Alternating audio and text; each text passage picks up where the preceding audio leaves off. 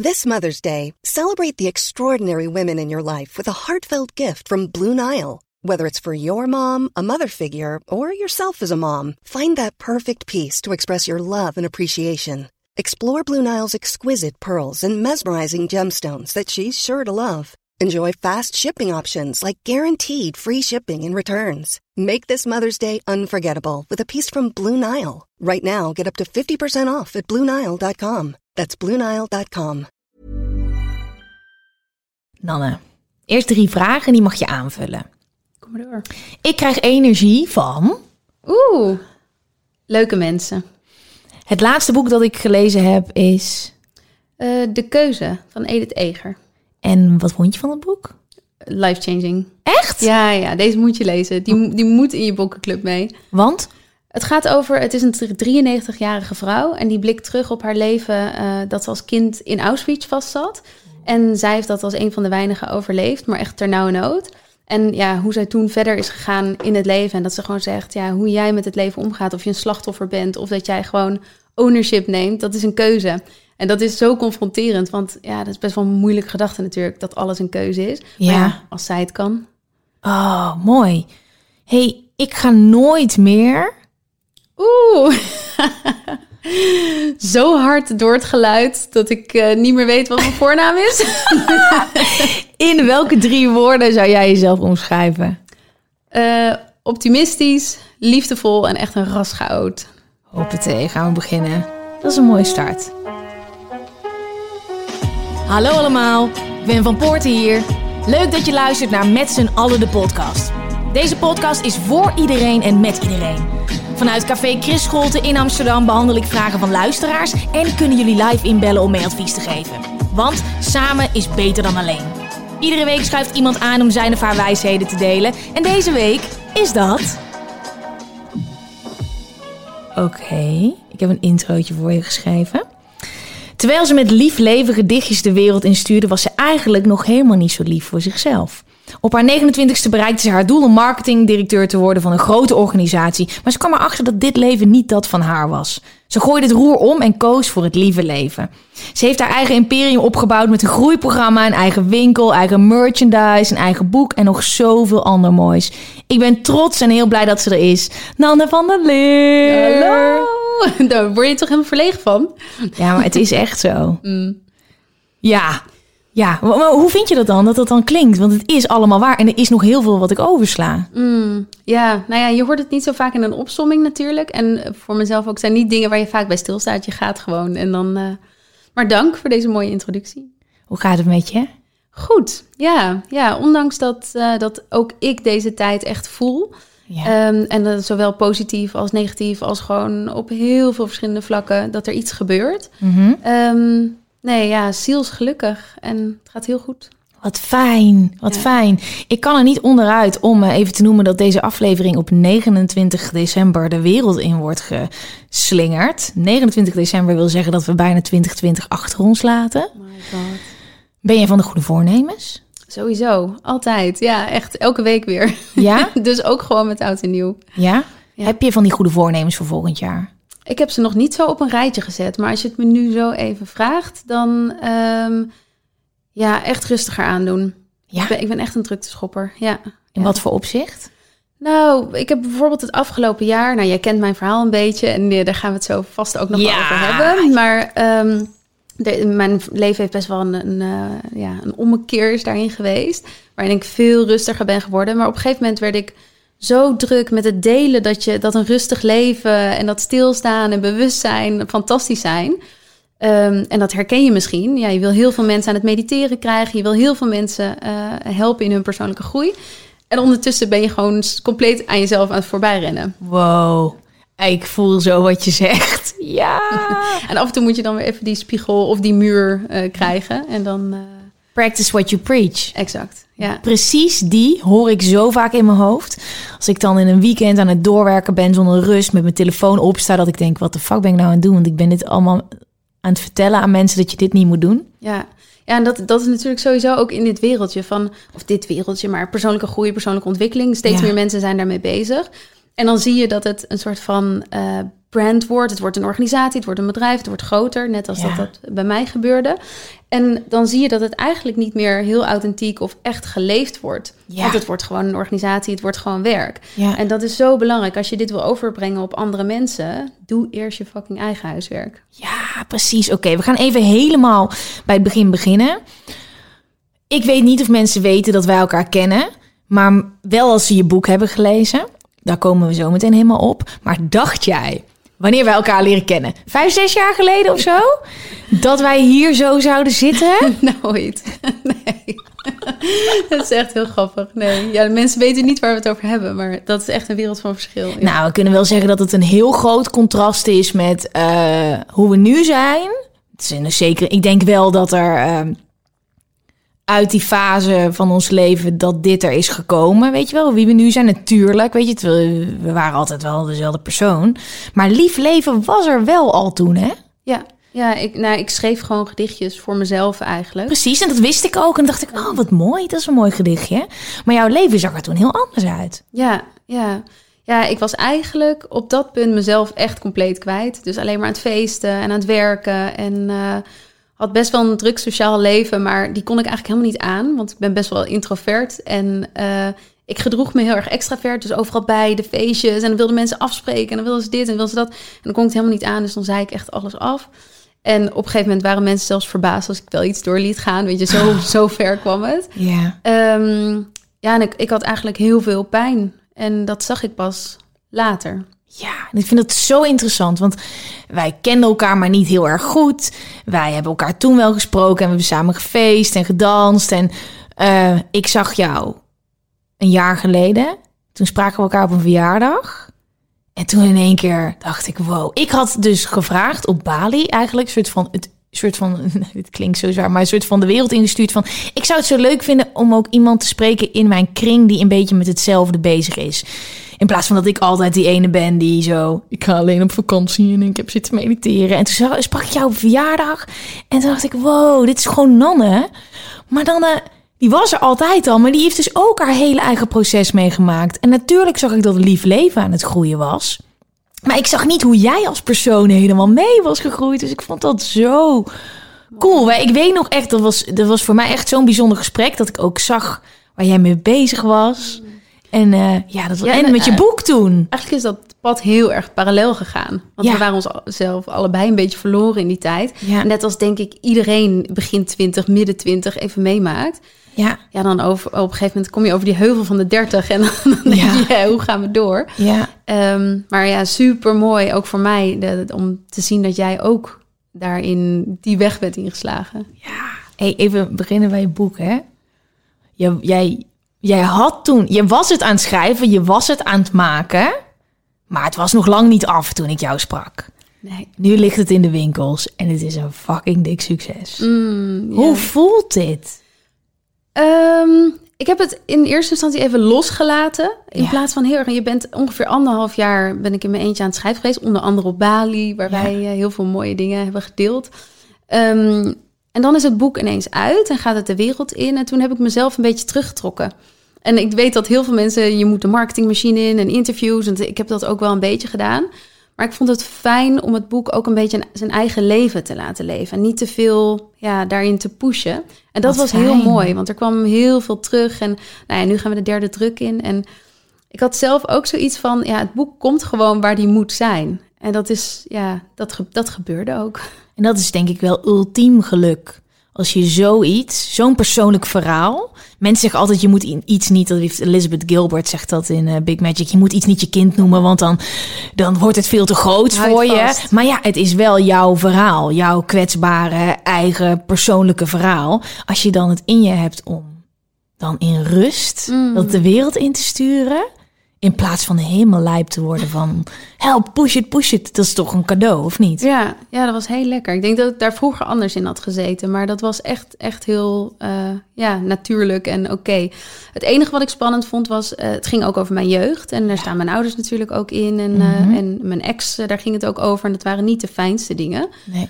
Maar dat was heel erg het contrast met lief leven. Dus lief leven was altijd positief, hoopvol. eh, van, hey, hoe kan je ook naar het leven kijken? Mhm. Ehm, en ik voelde heel erg van, oké, maar dat is niet het hele leven. Weet je, af en toe is het gewoon kut. En wat moet ik dan met dat gedeelte? En, en daarom dacht ik, oké, dan wil ik dat ook gaan delen. En dat werd uiteindelijk licht leven. Dus niet alleen het licht, maar ook het donker. En wat doe je met dat donker? Ja. Maar goed, dus dat, het spannende daarin vond ik wel dat dat donker, dat confronteerde, dat ging ook over andere mensen. Dat snap Daar ik confronteerde heel ik ook goed. andere mensen mee. Dus dat vond ik wel spannend. Maar ja, die waren eigenlijk ook heel liefdevol. Was dat iets wat je vooraf met ze hebt besproken? Of was het het boek is daar, dit is het, dit is het? Nee, mijn ouders zijn heel betrokken geweest in dat proces. Het was eigenlijk ook een soort van. eh, het grappige is dat eh, een familie is een systeem. En eh, vaak veranderen systemen niet zo snel. Ondanks dat jij ouder wordt, blijf je die kindrol houden. Ja. En wat, wat er met dit boek gebeurde, was dat ik eigenlijk met mijn ouders weer terug kon gaan naar toen. Dat we elkaar echt recht in de ogen hebben aangekeken. We zijn in therapie gegaan eh, met het hele gezin. Tijdens het boek? Ja, Wow, Ja, tijdens het schrijven van het boek, Ja, ja. ja, ja, ja. ja. En eh, omdat ik het nu vanuit mijn volwassen ik kon vertellen wat het met me heeft gedaan. ja. En zij konden vanuit hun volwassen eh, rol veel meer als gelijke. Dus niet meer zo ouder-kind, maar gewoon jij en ik. En Mhm. hoe gaan we deze relatie verbeteren? Ja. En dat hebben zij zo liefdevol en krachtig gedaan. En dat, dat heeft heel veel veranderd. Oh, wat mooi. Heb je het hier ook over in je boek? Dat weet ik niet meer of Ja, jullie in therapie wel. zijn gegaan. Nee, nee, dat Nee, heb ik niet verteld. Niet, Nee. nee. want dat, ja, we zaten zo midden in dat proces. En Een boek is vaak toch een reflectie. Daar wil je niet zomaar iets I know, maar ik dacht, heb ik dit nou gemist, Ja, nee, dit gedeelte? Want ik mocht het als, eh, een- Ja. nou, ik denk een van de eerste wel lezen, toch? Nou, dat vond ik zo cool. Dat vond het zo tof. En je had ook een heel lief stukje geschreven. Ehm, en ik over, vond het over Poenu. Ja, en, ja, en ik, ik vond het zo cool. eh, ja, gewoon die, die contrasten en zo, om, om dat te zien. En, en nou ja, om jouw verhaal te lezen. Want ik wist dit ook natuurlijk helemaal niet. eh, hoe dit allemaal is ontstaan en, en hoe je bent gaan bouwen. En een hele hoop mensen hebben dus het boek gelezen. Wat dus zo leuk is. Want ehm, daar gaan de vragen ook veel over. In ieder geval over jou. En mensen kennen jou natuurlijk nu. Ehm, hoe voelt het voor jou dat mensen jou hebben leren kennen? Jouw verhaal weten? Ja, grappig. Eigenlijk een soort van eh, tweeledig. Aan de ene kant voel ik dat wat ik te delen heb zoveel groter is dan ik. Dus misschien was ik daarom ook wel heel gechilled over mijn boek. Dat ik dacht van, ja, dit gaat niet over mij. Ondanks dat het boek over mij gaat, gaat het over een soort van universele les over mens zijn. En wat daarbij komt kijken. Ja. En doordat ik zag dat dat groter was, ja, dan, dan gaat je ego daar niet zo in mee. Van, oh, wat vinden mensen van mij? Of wat willen ze van me weten? En daar ben ik eigenlijk minimaal mee bezig. Dus eh, tuurlijk, als je jezelf presenteert, dan denk je ook na over, ja, hoe doe ik dat en wat vinden Ja. mensen daarvan? Maar dat gaat eigenlijk wel eh, ja, op een hele natuurlijke manier. Daar hoef ik niet zo bij na te denken. Fijn, fijn. Oké, nou we gaan beginnen met advies geven. Ik heb zo het gevoel, dit, ja, jij bent een grote adviesgever, toch? Jij bent iemand die mensen bellen als ze advies nodig hebben, toch? Nou, dat, dat mag iedereen doen. Dat doe ik graag. Ja, ja. precies. Nou, oké, we gaan gewoon beginnen met de, met de eerste vraag. Voor iedereen die kijkt en luistert, je kan met z'n allen de podcast volgen op Instagram. Je kan ook Lief Leven volgen, je kan Nanne volgen, je kan mij volgen. Like, reageer, doe alles, ben actief betrokken. En dan gaan wij lekker beginnen met de allereerste vraag. Vrolijk, oké. Heerlijk. Nanne, niet per se een vraag, maar ik wilde even kwijt dat jullie beiden fantastisch zijn. En ik nu al niet kan wachten op de podcast. Ben benieuwd hoe jullie er- energie. en- Ik ben benieuwd hoe jullie energieën elkaar gaan raken. En welke onderwerpen er allemaal besproken gaan worden. Een super mooie maand meditatie bij haar gedaan, die mij echt heeft geïnspireerd. Vooral doordat ze mij echt zag. Super mooi mens, dus wordt vast een super bijzonder gesprek. Wauw. Ja, Meer van dit. ja, nou, leuk hè? Hoe ben je begonnen met schrijven? Wanneer denk je nou een moment... Oké, ik ga gewoon een boek schrijven. Ja, schrijven is mijn tweede natuur. Dus of ik Ja. daar echt zo bewust... eh, ik denk op een gegeven moment de frustratie over mezelf. Eigenlijk als je lief leven hoort... Ja, dan krijgen mensen soms wel een beetje jeuk van... Oké, alleen maar lief in het leven zijn. Weet je, ja, kom op. Ja, En dat had ik ook naar mezelf toe. Ik denk, ja, het leven is niet alleen maar lief. En, Nee. eh, en die andere kant, wat, wat moeten we daarmee? ja, Ehm, ik noem het leven, dit klinkt een beetje spiri, maar de dans van de dualiteit. Dus en licht en donker en Ja. heel top en helemaal naar de kloten. En, Ja. en hoe dans je tussen die twee kanten door? ja. Ehm, dus ik voelde heel erg de behoefte om daarover te gaan schrijven. Meer dan dat ik deed in die vier regeltjes van een lief leven gedicht. Ja, Dus ik begon gewoon ja. vanuit een soort van urgency vanuit mezelf. En toen op een gegeven moment dacht ik, ja, dit, dit wil ik delen. Dit moet gedeeld worden. Ja. En eh, toen had ik op social gedeeld dat, eh, dat is ook zo mooi. Als je het hebt over manifestaties, zet het maar gewoon in de wereld. Zeg tegen mensen waar je naartoe wil. Zeg wat je aan het doen bent. Ja. Wat is je grootste droom? Gooi het eruit. Ehm, en toen, ja, een week of twee later, klopte Bruna aan. Eh, Wauw. En jij dacht natuurlijk, dit Let's moet go. zo zijn, let's ik, go. heb, ik heb nog getwijfeld. Ik heb getwijfeld of ik met een uitgever wilde werken of dat ik het zelf zou gaan uitgeven. Ja, Ehm, omdat ik geen bemoeienis wilde met de inhoud. Omdat, ehm, ja, als je een beetje... Het, neigt een beetje naar het spirituele, toch? Ja. Ook, ook wat jij doet. Van hoe Ja. blijf je nou tussen wel gewoon leuk voor iedereen om te lezen... ja, maar ook wel die diepgang eh, Ja. opzoeken. En dat wilde ik echt zelf doen. Maar ja, ik wil heel veel in mijn leven zelf doen. En toen kreeg ik gewoon een grote les van... nee, dit, dit ga je even niet alleen doen. fijn. Ja. Maar het begon wel eenmaal in je eentje. hè? Het schrijven wel, ja. Ja. Dat is een vrij eenzaam proce- proces. Hoe, ehm,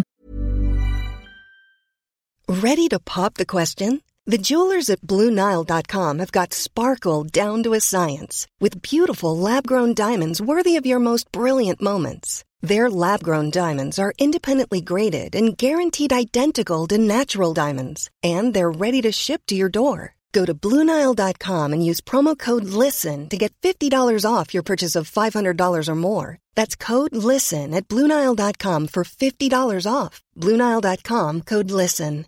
Imagine the softest sheets you've ever felt. Now imagine them getting even softer over time. That's what you'll feel with Bowl and Branch's organic cotton sheets. In a recent customer survey, 96% replied that Bowl and Branch sheets get softer with every wash. Start getting your best night's sleep in these sheets that get softer and softer for years to come. Try their sheets with a 30-night guarantee. Plus, get 15% off your first order at bowlandbranch.com. Code BUTTERY. Exclusions apply. See site for details.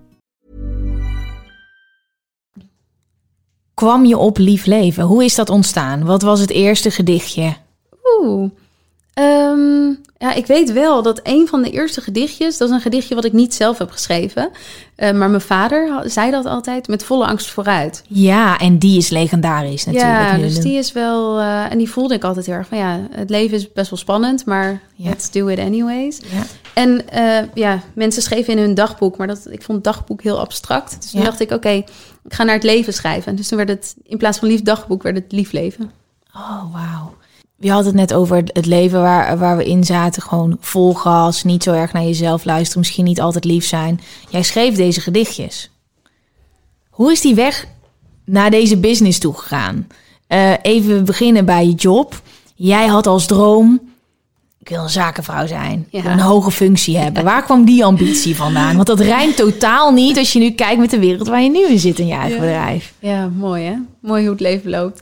Ehm, nou, dat weet jij, maar dat weten Ja. veel mensen die luisteren niet. Ik ben 1,58 meter. Ja. ja. Ik ben blond, ik heb een babyface. Eh, ik ben mijn hele leven lang onderschat. Ik voelde zo'n drang, zo'n bewijsdrang van laten zien dat je meer kan dan alleen een beetje lief lachen. ja. Dus da- dat was heel erg een driver. En aan de andere kant, eh, ja, mijn, mijn moeder werd chronisch ziek eh, toen ik drie was. En ehm, ja, mijn vader die heeft het daar heel zwaar mee gehad. Dus die was vaak weg. Die is weggegaan, grotendeels. En ehm, ja, dus ik moest eigenlijk al heel jong alles fixen. Dus dat zat er ook in eh, van ik regel het gewoon wat, wat er ook moet gebeuren. Ja. En dan besluit jij, oké, dan gaan we gewoon in het zakenleven naar de top klimmen. ja. ja, ik ben erin gerold. Dat moet ik er wel bij zetten. Maar eh, zeggen, maar eh, ik was begonnen met een HBO-studie.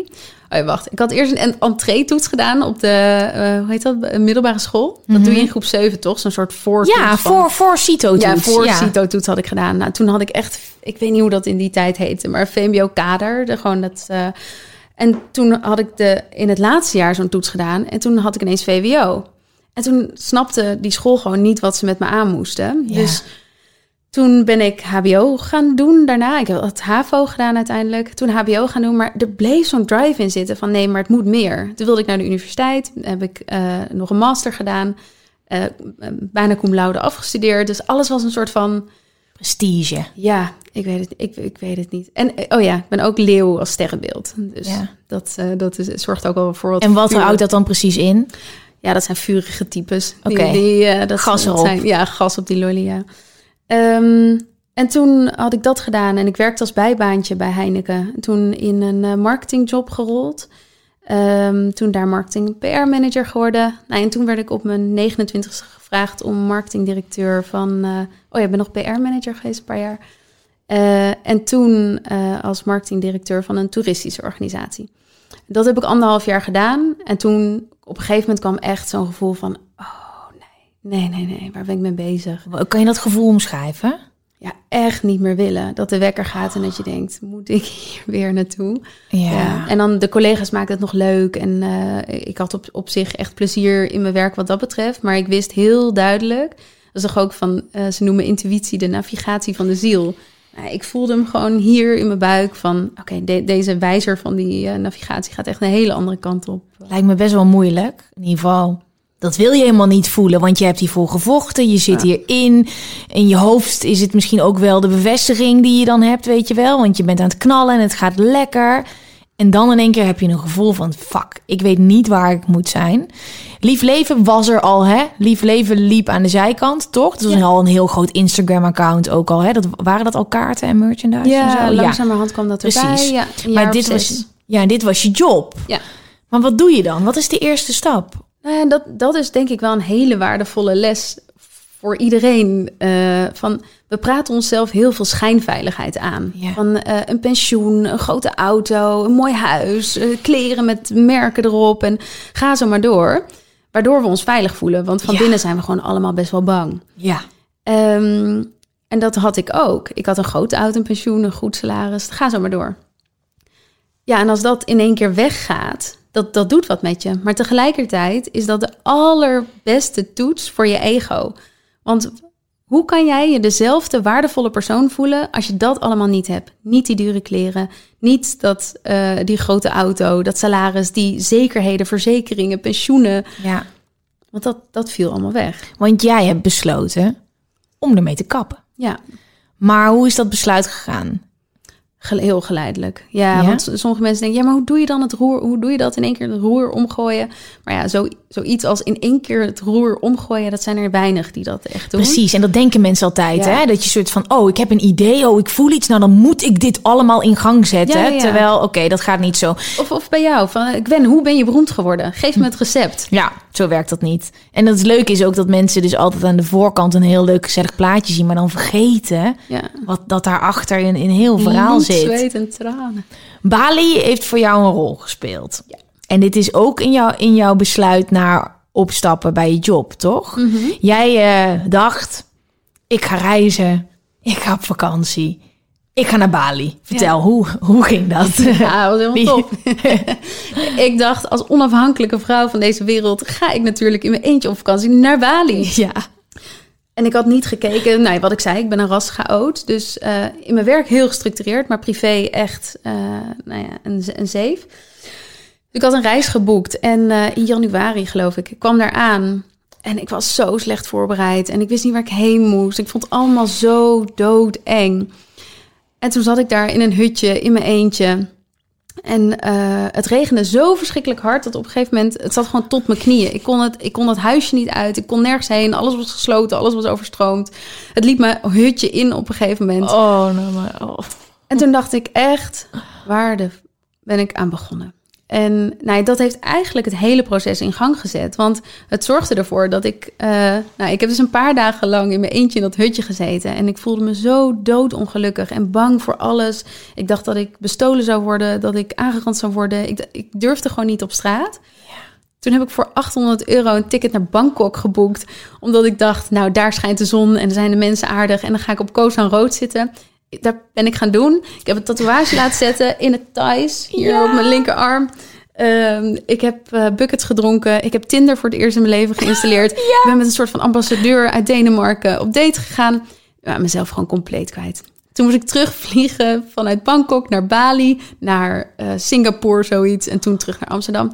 En toen kwam ik in Amsterdam en ik dacht, dit is eigenlijk helemaal niet oké. Ik kan niet met mezelf leven. En toen is het balletje gaan rollen. En toen heb ik dus ook besloten van, eh, ja, dit, dit wil ik echt niet meer op deze manier.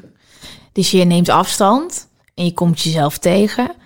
Maar hoe heb je dan de ballen om ook echt actie te ondernemen? Dat is denk ik wel mijn karakter. Dat ik dacht van, ja, dit gaan we ook gewoon doen. Weet je, Ja. ik ga niet... Dat is misschien ook een beetje zoals dat boek, weet je. Je hebt een keuze. Ja, Maar ja, je kan je heel erg slachtoffer voelen. eh, want in mijn jeugd was veel gebeurd. ja, En da- daardoor uiteindelijk ben ik dus ook in therapie gegaan. En eh, bleek ik een chronische posttraumatische stressstoornis te hebben. Dus uiteindelijk werd het ook allemaal duidelijk. En snapte ik waarom ik deed wat ik deed. En eh, ja, waarom ik me zo voelde. Maar ja, Kan je me ik- daar wat meer over vertellen? Ehm, ja, dus- Chronische PTSS. Ja, exact. Ja, dus dat zijn heel veel trauma's eh, die zich ophopen. Ja, En eigenlijk waarvan niet zich meer verwerkt. En ja, wat er gebeurt met trauma's die zich ophopen, dan ga, ga je... Je hersenen zijn eigenlijk alleen nog maar bezig met het wegdrukken van die trauma's. Mhm. Dus daarom, mijn geheugen werkte eigenlijk nog maar minimaal. Eh, daarom heb ik nu nog steeds geen supersterk geheugen. Maar dat wordt wel steeds beter. ja, Ehm, ja, heel erg angstig. Ehm, paniekaanvallen, echt extreem. Ehm, ja, en, en op een gegeven moment dan in die therapie heb ik EMDR gekregen. Ik weet niet of je weet wat dat Is dat dat eh, licht? Ja, Ja. licht of geluid, piepjes. Heel Ja, simpel eigenlijk. Je gaat terug naar zo'n trauma en je volgt een lichtje of een geluid, een piepje. Ja. En eh, doordat je hersenen dus afgeleid worden van de zwaarte van dat trauma, Ja. omdat je ondertussen ook nog een soort van cognitieve oefening aan het doen bent, Mhm. Ja, gaat, gaat de zwaarte van zo'n trauma af. Want voor het eerst kan je weer terug naar zo'n situatie. En dan zie je, want eigenlijk als kind sla je vaak zo'n situatie op. En dan is die zo heftig. Dan is het echt alsof er een heel eng monster in je leeft. Terwijl als je daar nu als volwassene naar terug kan en het wordt een wat minder heftige situatie, ervaring, dan sla je dat op als een minder heftige situatie. ja, ik heb hier wel van gehoord. En, jij wist dus niet dat je hier altijd al mee zat. Dus jij voelde angst, je voelde allemaal emoties, dat dingen niet lekker zaten. Doordat je afstand nam, kwam dat. Je ging met iemand praten en toen kwam je er dus achter dat er allemaal trauma's waren waarvan je helemaal niks wist. Jawel, ik wist wel dat die dingen gebeurd waren, maar ik had het niet. Ik, ja, ik ben niet echt een, een aansteller of zo. Weet je, dat je denkt van, oh, daar moeten we heel lang bij stilstaan. Of ja, Ja. of ja, of je ja, Ja. ja, ik snap, ik, ik zou Het is gebeurd, let's go. Precies, oké. Ja, maar ondertussen, en dat is denk ik bij heel veel mensen, dat is ook waarom we zo graag op onze telefoon zitten. Want eigenlijk zijn we continu dingen aan het onderdrukken. Kijk, bij mij waren dat wat zwaardere dingen. Het, kan, het kunnen ook wat simpelere dingen zijn. Ja, Maar we vermijden onszelf zo graag. ja. We willen helemaal niet die confrontatie met onszelf aangaan. Kan je een van die voorbeelden nemen waar je aan hebt gewerkt en wat heeft geholpen met die therapie, hoe dat dan precies gaat? Want er zijn een hele hoop mensen die luisteren, die hebben een burn-out gehad of die hebben iets heftigs meegemaakt en die horen dan dit en denken, ja, maar dit moet ik gewoon zelf oplossen. Of hoe werkt praten dan? Of hoe werkt therapie Mooi, dan? Ja. Oh ja, er zijn zoveel dingen. Eigenlijk allereerst het normaliseren van je even niet goed voelen. Ja, Weet je dat eh, ik, ik zie heel erg op Instagram bijvoorbeeld dat het al verandert, dat mensen veel eerlijker zijn en ook de andere kant delen. ja, Eh, maar dat perfecte plaatje wat we elkaar jarenlang hebben voorgehouden, ja, dat hoeft niet. nee, Weet je, je bent zoveel mooier als je ook die andere kant deelt. ja, En, en dat delen, wat jij zegt, van deel dat alsjeblieft. Ja. Deel het met vrienden, met familie. Ehm, Ja. En als dat te spannend is, deel het eh, op een platform. En er zijn heel veel platformen waar je terecht kan eh, daarvoor. Ja. Ja. ja, dat is een hele belangrijke. Ook het normaliseren van, van in therapie gaan. Weet je, heel veel mensen vinden het nog steeds gek om over gevoelens te praten. Of in therapie dat je dan ineens gek bent of zo. ja, Terwijl, ja, eigenlijk zou iedereen toch een soort van huistherapeut moeten hebben ja, af en toe even gespiegeld worden. En ehm, ja, en heel erg weten dat je het niet alleen hoeft te doen. Dat is Nee. ook wel een hele belangrijke. En wat waren die trauma's voor jou? Ja, dat Ja. waren, was wel een rits. Maar een van die trauma's was dat ehm, mijn moeder was dus heel ziek. En eh, er was een moment dat zij ja, bijna stierf en dat wij afscheid moesten nemen. Ze heeft het uiteindelijk gehaald. Ja, Maar dat, dat zijn dingen dat, eh, ja, die sla je wel op als kind. En, en als je daarna, eh, kijk, trauma's zijn op zich niet zo erg. Als er zoiets gebeurt, ja, dat, dat is het leven. Mhm. Maar het niet verwerken van een trauma.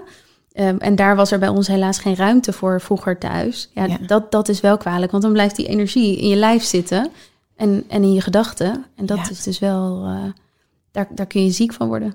Ja, en dan is er nooit een uitlaatklep. En het is ook zo gek misschien dat dingen die je zelf meemaakt, zie je als normaal. Dat is gewoon iets wat gebeurd is, maar je voelt en ziet niet wat voor gevolgen dat heeft. En dat je dat voor altijd eigenlijk bij je draagt. Ja, ja, en dat is ook inderdaad wat je net zei met burn-out of overspannen voelen.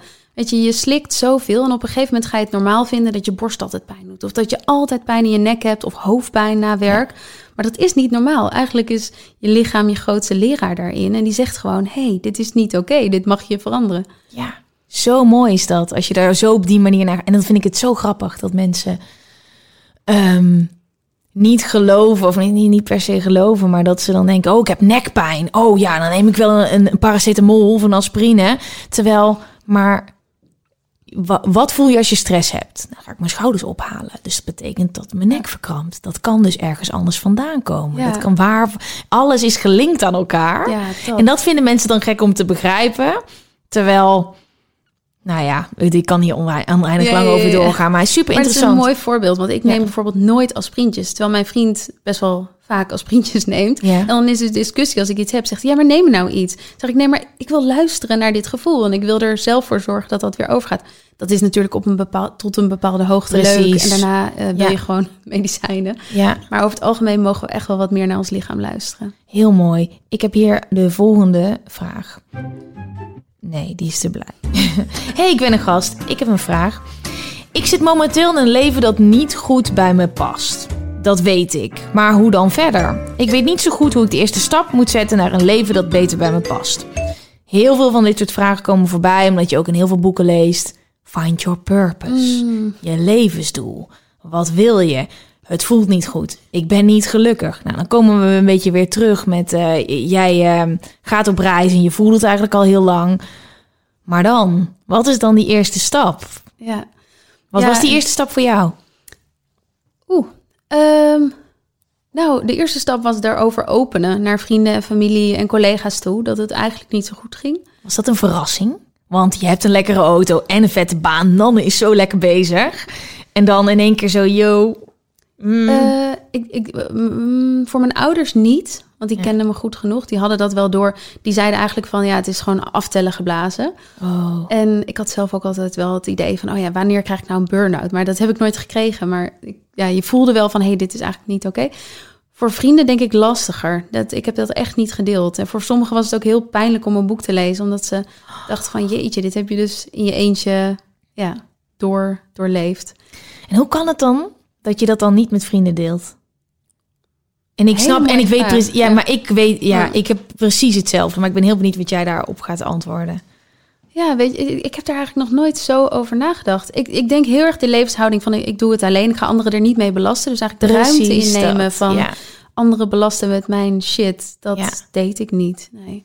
Ja, toch het dragen heb ik dan, als je dan met iemand afspreekt, dan wil je gewoon dat het leuk is. Ja, En dan, als ik dan iets negatiefs zeg, dan ga ik naar huis. En dan probeer ik wel aan te werken hoor. Maar dan ga je naar huis en dan heb je een.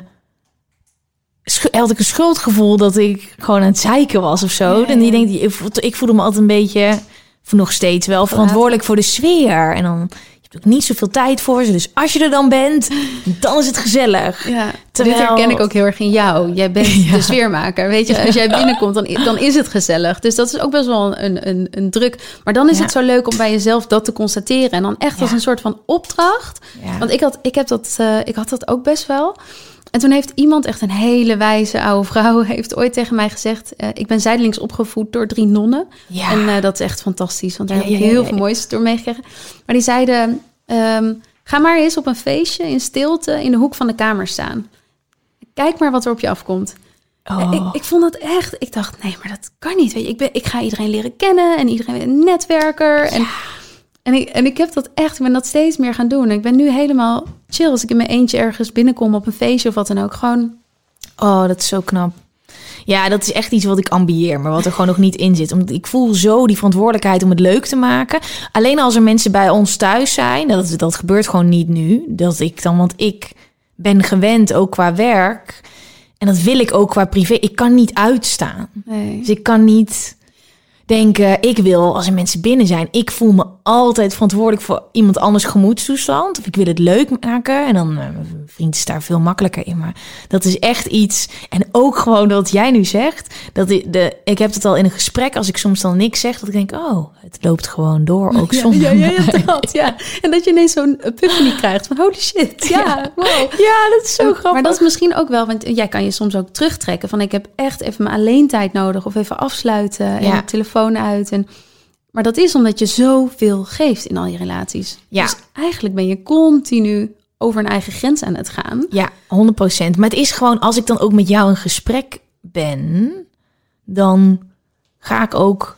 Dat, dat merk ik nu dat ik dacht dat dat normaal was, maar zoveel dimensies verder. Omdat ik zo, dat ik zit zo al in alle gesprekken die ik heb zo erin. Maar dat heb ik ook als ik met de bakker ben. Of als ik, nou, de postbode, nou bijna, maar alles is zo intens. Ja. Ehm, dus, maar ik, ik herken wel dat je dan je zorgen en je troubles en je ellende, ja, dat is dan niet iets wat je als eerste eh, vertelt. Want je wil het gewoon ook leuk hebben. Je wil misschien zelf ook wel afleiding. Goede oefening. Gewoon bij de bakker binnenkomen en dan echt vertellen hoe het echt met je gaat. fucking kutdag. Ja, maar dat kan in Amsterdam niet. Laten ze je überhaupt niet uitpraten. Nee. Maar jij hebt dus dan een boek geschreven en dan lezen jouw vrienden en familie dat. Holy shit. Ja, ja, dat deed wel wat. Want het was gewoon natuurlijk echt, echt een heel persoonlijk verhaal. Ja. En eh, alhoewel het niet zozeer over mij ging. Dus ik, ik, Ja. zij voelde ook heel erg van... Hey, het gaat over iets groters en niet zozeer over alles. Wat, want dat is, mijn leven is eh, zeer minimaal interessant. Ehm, maar Nou, dat, dat is dat, niet he- waar. dat heeft ons echt veel dichter bij elkaar gebracht. Gewoon zoveel hechter en, en rijker en dieper. Ja. Ja. En, en veel echter. Want dat is ook met relaties. Hè. Soms heb je vriendschappen. En dat is ook oké. Je hebt vriendschappen die heel gezellig zijn. Vriendschappen die heel Ja. diep zijn. En, maar de vriendschappen die ik, eh, die ik heb, die waardevol voor mij zijn... die zijn ook wel echt nog veel verder uitgediept. Dat geloof ik wel. Terug naar je pad, hè? Dus eh, je, jij besluit, ik ga het roer omgooien. Eh, dit vertel je dan aan iedereen. Maar zij vraagt ook van, ja, ik voel dat ik niet in het juiste leven zit. Maar wat dan? Weet je wel, wat zijn de eerste stappen? Heb je daar tips of advies voor? Want ik weet dat er een hele hoop mensen luisteren aan de berichtjes te zien. Die denken, ja, dit is niet wat het moet zijn. Nee, nee. En dat hoor ik heel veel. Want ook als jij, als ik dus vertel van... hé, hey, ik heb het roer omgegooid... dan zijn er heel veel mensen... ja, van hoe doe je dat dan? Ik wil dat ook, weet je. Ik voel ook dat ik mijn baan eigenlijk niet... ehm, maar bij mij is dat ook echt een proces van... nou ja, eigenlijk gewoon 32 jaar geweest. Maar eh, laten we zeggen dat dat heel concreet... vijf jaar lang heeft geduurd, dat proces mij. En dat stopt nooit natuurlijk, hè. Want ook, Nee. ik ben er nu niet. Het is niet alsof mijn leven helemaal verlicht is. En het is gewoon elke dag een uitdaging. Maar mijn grootste tip is... begin echt klein niet in één keer rigoureus het roer om, maar ga gewoon eens dingen doen die jij leuk vindt. Of ga met iemand praten die al doet wat jij ambieert. Weet je, als, als een ander soort baan je trekt, eh, ga, ga daar eens een dag meelopen. Of ga gewoon één keer een kop koffie drinken met iemand die daar werkt. Ja, En, en dat is ook zo leuk in dit proces. Ben ik er ook heel erg achter gekomen. En ergens wist ik het wel, maar bevestiging. Mensen willen helpen. Iedereen wil elkaar helpen. En eh, je mag gewoon om dingen vragen. ja, En dingen hardop uit te spreken. Dus niet, want dat ook heel veel mensen die hebben allerlei dromen, maar het komt nooit tot uiting. Ja. En dat is eigenlijk omdat het maar binnenin jou blijft zitten en het wordt nooit concreet. En vaak moet je dromen ook toetsen, want die ene droom die je hebt, nou ja, sowieso als je die droom bereikt, dan blijkt die droom ook maar gewoon een realiteit te zijn. ja. Ehm, maar eh, ja, te delen, te openen en echt klein te beginnen. En ik denk ook wel, voor een hoop mensen, inclusief voor mezelf, je zit soms in een situatie die een beetje opgebouwd is uit je ego. En dat dan loslaten. Want je bent ergens, je, dit is gebouwd op jouw waarde. En dan wil je misschien iets heel anders doen, wat misschien in jouw ogen ook niet het, hetzelfde is. Ja. Ja, en dat is zo mooi aan het leven. Zal maar zeggen, als je kind bent, dan heb je nog helemaal geen ego. Ego kan je vergelijken met een identiteit. Dus Ja. nou, je gecreëerde zelf, wat je aan de buitenwereld toont en soms ook aan jezelf. Ja, Dat je jezelf overtuigt dat je een succesvolle carrièrevrouw bent en eh, dat soort dingen. Ehm, maar eigenlijk, eh, het mooiste voorbeeld is, ja, wat als je een succesvol ondernemer bent, maar je gaat failliet? Wat als je eh, een prachtig eh, super fotomodel bent, maar eh, ja, je krijgt een ziekte en je verliest je haar of andere Mhm. dingen. Weet je, al dat soort dingen is eigenlijk een soort van toets van het leven. ehm, om dat ego weer af te breken. En om gewoon bij je kern te komen. Van hé, hey, wie ben ik nou buiten die auto en dat haar en die mooie dingen en het geld op je bankrekening. En, En- wie was jij dan op dat moment? Ja, succesvolle zakenvrouw. Maar wie was jij toen je dat los ging laten? Liefde. That's it. Liefde. Zo, zo simpel. Ja, gewoon niks anders. Maar dat, dat is ook, weet je, en dat heb ik ook heel erg mogen zien met die nonnen waar ik naast opgroeide, die op een gegeven moment 90 waren. Maar ook, ja, als je opa's en oma's hebt die aan het einde van hun leven zijn, dan zie je van, hé, hey, alles verdwijnt. Iedereen om je heen, die sterft op een gegeven moment. Eh, je hebt je baan niet meer, je hebt je uiterlijk niet meer, je hebt al die dingen. Het enige wat overblijft is liefde. That's it. Je Ja. tanden gaan eruit. Je, Ja. ik wil het niet heel luguber maken, maar ja. Nee, maar het is wel waar. Ja. Dus jij was op een gegeven moment klaar met je baan. Denkt, dit is hem niet meer. Lag voor jou al heel snel de focus op lief leven? Is wat het gaat worden? Of dacht je ook nog, ja, maar wat, wat wil ik in godsnaam? Of was dat al wel duidelijk? Nee, ik, en niet eens ligt de focus alleen maar op lief leven. Ik heb een soort van missie van, ik wil laten zien, eh, ik geloof in een meer liefdevolle wereld. Ja. Dus eh, ja, eigenlijk alleen maar vanuit liefde leven. Ja. En dat klinkt heel zweverig, maar dat is gewoon een hele concrete levenshouding... waar ja, tot nu toe voor mij echt ja, heel veel moois in is gebeurd. Mhm. Ehm, en een meer liefdevolle wereld, dat was gewoon als een soort van rode lap op een stier. En daar heb ik verschillende vormen in gevonden. Lief leven, plek voor groei, Ja. het boek en nu Biebalm... waarmee we de, bij, eh, de wilde bij in Nederland eh, willen gaan redden. Oh, daar gaan we zo meteen helemaal uitgebreid over missie. hebben. Want zo leuk. Ja. Oh ja, dat, ja dat, ik vind het zo mooi. Maar je kwam dus uit een leven waar je helemaal niet zo lief was voor jezelf.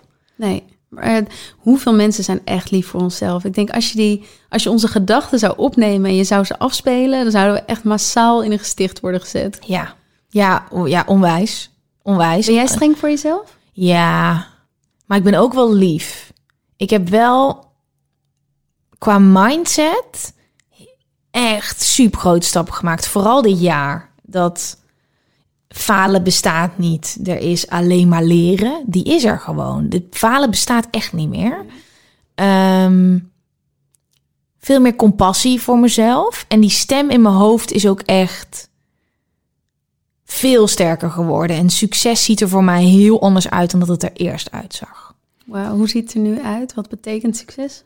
Ehm, mezelf trots maken. Wauw. Want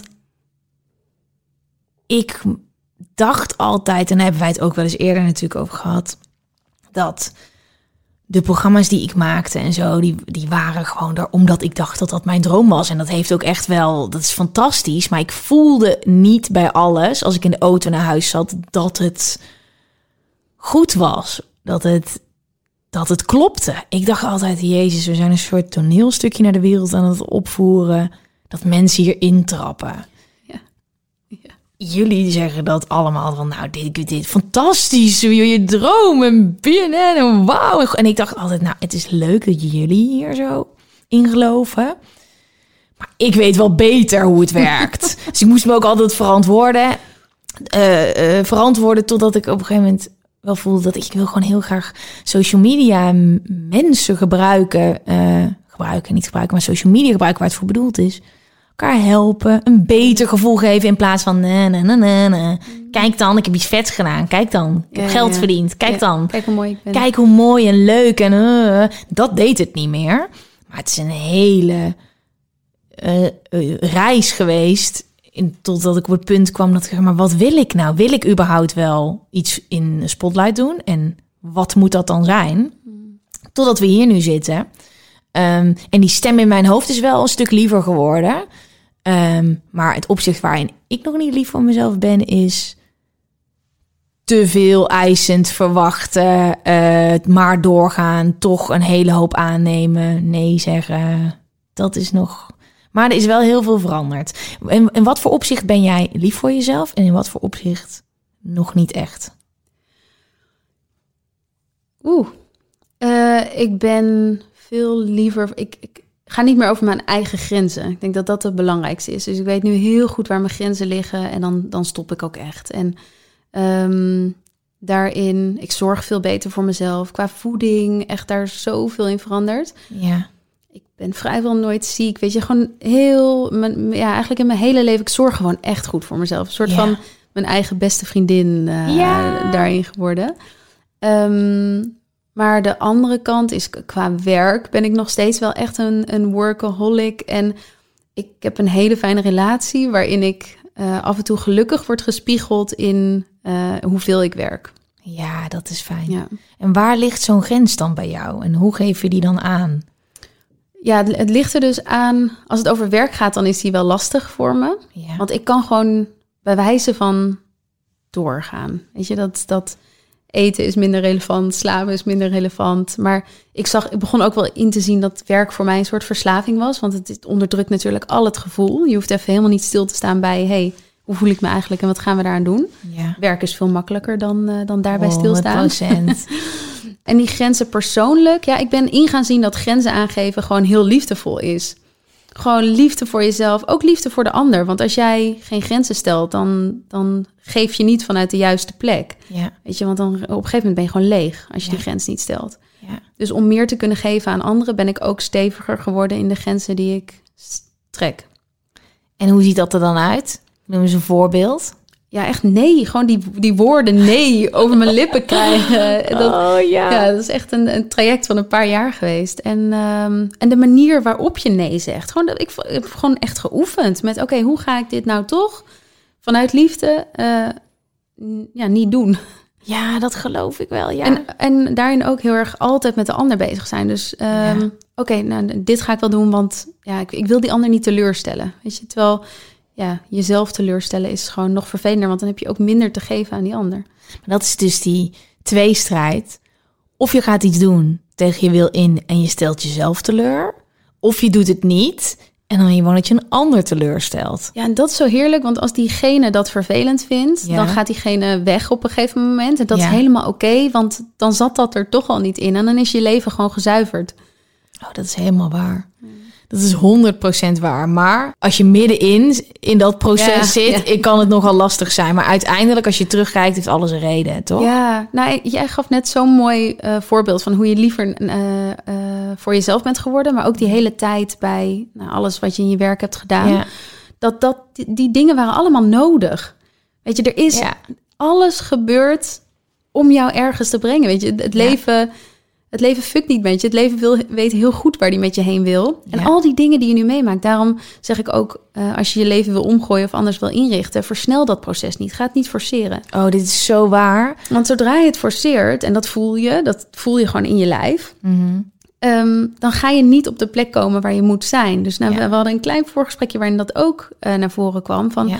Je wil dan heel graag snel bepaalde stappen zetten. Ja. Maar wat nou als je het laat ontstaan? Wat nou als je gewoon vertrouwen hebt dat het er precies zo gaat komen zoals het er moet zijn? Ja. En dat alles wat er in de tussentijd gebeurt onderdeel is van dat proces. En dat is, dat is eigenlijk wat ik nu omschrijf, is het verschil tussen de westerse denkmentaliteit en de oosterse Ja. denkmentaliteit. Ja, dit is zo waar. En het is ook grappig, dus als je dat, als ik aan denk aan andermans proces, maar ook het proces wat ik heb gehad, de zoektocht van en wat nu en zo, heb ik echt momenten gehad dat ik gewoon in mijn eentje op een strandstoel zat en dacht, het is vet chill hier, maar wat wil ik nou? Wat wil ik nou? Kom door. Ja, heb jij genoten van het proces? Jawel, ja. ja maar eh, ehm, ik, ik denk altijd in heel veel dimensies. Dus ik, ik ben zowel... kan ik heel erg balen van waar ik in zit. Ja. En tegelijkertijd kan, ik- kan ik een soort van helikopter daarboven... Nou, jij zat laatst echt in zo'n helikopter. Daar moet ik niet aan denken. Maar een soort van eh, helikopter in mijn hoofd... waarin ik dan overzie van... Oh, en dan lach ik ook echt heel hard om mezelf... en hoe druk ik me maak om dingen. En, en dat wij, wij zijn echt eh, in het Westen hier vooral aangeleerd, is ons aangeleerd om het leven te wantrouwen. Iedereen is tegen ons. Je moet niet vreemde mensen vertrouwen. Niet je, niet je droom Eh, vertellen of je ideeën, want Nee. daar jatten ze het van Och, je. man, en er is niet genoeg. En, ehm, en, en die sw- switch heb ik echt helemaal gemaakt. Dus Wauw, gewoon ja. vanuit compleet vertrouwen, een soort die armen opengooien. En eh, laat maar Ja. zien, kom maar door. Maar dat is zo eh, fijn. Ik had dat altijd al in me zitten. Dat eh, bij BNN natuurlijk zijn een hele hoop presentatoren. Daar was het echt. Als die dan dit, weet je, een soort van onderling. En ik had altijd al de houding van, maar er is genoeg voor iedereen. En als het voor jou moet zijn, moet het voor jou zijn. En dat voelde gewoon dat ik op een gegeven moment ook mijn vriend het over had van, maar moet ik dan gaan vechten? Moet ik dan gaan afpakken of pak of, of slinks gaan Ja, ja, zijn ja. en zo? En, maar dat wil ik niet. Ja. En dat is zo grappig dat hoe meer, hoe dichter je bij komt wat dan hoort, dat ik nu denk, oh ja, want er is gewoon, ook in de, de wereld waar wij in zitten. Als jij naar elkaar gaat kijken als concurrent zijnde, dan wordt het, wordt het heel vervelend. Maar het is niet zo. Je kan alleen maar elkaar versterken en elkaar helpen. Ja, en dat, dat ik kan niet laten om dit dan daar even bij te zeggen. Van bijvoorbeeld, eh, als iemand anders het goed doet, daar jaloers op zijn. Of daar, natuurlijk mag je het, het beamen en het Ja. bewonderen en ernaar kijken. Maar, maar dan slecht gaan praten over een ander. Weet je, dat is zo zonde van je energie. Echt. Ja. En als wij dat veel meer zouden doen, elkaar dat gunnen. En helemaal vrouwen onderling natuurlijk. Van wees fucking trots op elkaar. Weet je wat, wat we allemaal neerzetten? En, eh, en, en, maar ook mannen natuurlijk. Maar vrouwen zijn soms onderling nog wel heftiger. Ja. Er, is genoeg. Als die Ja. ander een compliment krijgt, betekent niet dat jij geen compliment krijgt. Eh, 100 procent. Ik heb alles als ik dan in een situatie kom en dan eh, krijg je jij een kans of iemand anders. En dan denk je, nou, als het zo moet zijn, dan komt het wel. En dan moet ik echt tegen mezelf zeggen, er is genoeg voor iedereen. Ja. Er En is is zo'n ontspannen leven, toch? Ja. serieus. En het Ja. komt altijd. Ja, 100 procent. We gaan door naar de volgende vraag. Ik had meerdere vragen van deze persoon gekregen, dus hier staat voor vraag 3. ik heb een vriend die niet echt geïnteresseerd is in meditatie, minder zelfontwikkeling doorgaat en minder gevoelig is. Soms voel ik me dan wat ongemakkelijk als ik bijvoorbeeld een tijdje wil mediteren of als ik iets over, als ik er iets over wil uitleggen. En dat terwijl hij alles toch erg interessant vindt en ontzettend respecteert. Ik weet dat jullie beiden een partner hebben en ik vroeg me af of jullie iets vergelijkbaars hebben ervaren op dit gebied en misschien tips hebben. Hoe hebben jullie ze bijvoorbeeld mee geïntroduceerd? Heeft Joost bijvoorbeeld groeiprogramma's van de ander gevolgd of haar boek gelezen? En hoe is dat dan voor hun beiden geweest om dat met elkaar te delen? Super mooie Volgens mij vraag. mo- moeten onze mannen gewoon een keer een, een podcast met elkaar opnemen. Ja, want hoe is dat om met ons te leven in een soort van... Nee, het komt als het zo moet zijn. Maar ook, ik weet zeker dat jij ook nog momenten hebt... ehm, dat je niet zo denkt. Heb jij dat wel eens? natuurlijk. En dat je dan zo... Hij houdt wel eens een spiegel voor, maar... Wat zeg je nou altijd? Ja. Niet het moment! Heb je dat ook? Dit, ja, echt. Ja, dagelijks. Ja, want je bent natuurlijk niet altijd helemaal in balans. Ja, Hoe is dit niet. voor hem? Ehm, we hebben elkaar leren kennen toen ik al wat, wat meer in balans was dan de jaren daarvoor. Ehm, en hij staat gewoon heel open in het leven. Dus die, die, eh, ik heb net de yogadocentopleiding eh afgerond. Ja, dan is hij mijn proefkonijn. En dan doet hij wel mee met alle yogalessen. En eh, dat, dat is echt gek. Maar ik denk vooral, want ook een beetje in- ingegaan op haar vraag. Dit proces is individueel. Het is voor iedereen op zich. En de een zijn pad is eh, om daar helemaal in te duiken en alleen nog maar op het pad van verlichting te zitten. En de ander doet dat niet. En dat is echt oké. En ieder mens is gevoelig, maar de een is daar meer mee bezig in Ja. dit leven eh, dan de ander. En ga niet forceren om iemand anders in jouw proces mee te krijgen, want dat is jouw proces. En ik denk alleen maar eh, als ze het effect op jou zien, ik ben ook heel benieuwd hoe dat dan bij Ja. jou is. Ja, precies dit. Als ze het effect op jou zien, Ja. ja, dan komt die nieuwsgierigheid. En laat ze maar zelf zoeken. Want voor de een is het eh, Joe Dispenza, voor de ander Gabrielle Bernstein en voor de ander Gwen van Poorten. Ja, oh, dat is lief. Ja, en voor de andere lief leven, Nanne van der Leer, 100%. Als ik ook zie welke berichtjes ik allemaal binnen heb gekregen met allemaal... Oh my god, ik heb eh, dit bij dag gevolgd of ik heb dit in huis. Of oh, dit gedichtje, dat gaat me zo aan mijn hart. Het waren er veel te veel om er allemaal in te stoppen, maar het is zo leuk om te zien. En deze mensen zitten dus allemaal in de met z'n allen groep. dus Ja, dan denk ik, ah, mooi. wat vet. Ehm, maar ik vraag me heel erg af... Ik Jij bent weten, ook- weten hoe het bij jou Ja, dat ga ik zo meteen vertellen. Ga ik zo meteen vertellen. Ehm, kijk, jij bent natuurlijk langzaam meer en meer en meer verslingerd geraakt. Met jezelf meer in contact gekomen. Liever voor jezelf geworden. En dan, als ik het even op mezelf trek.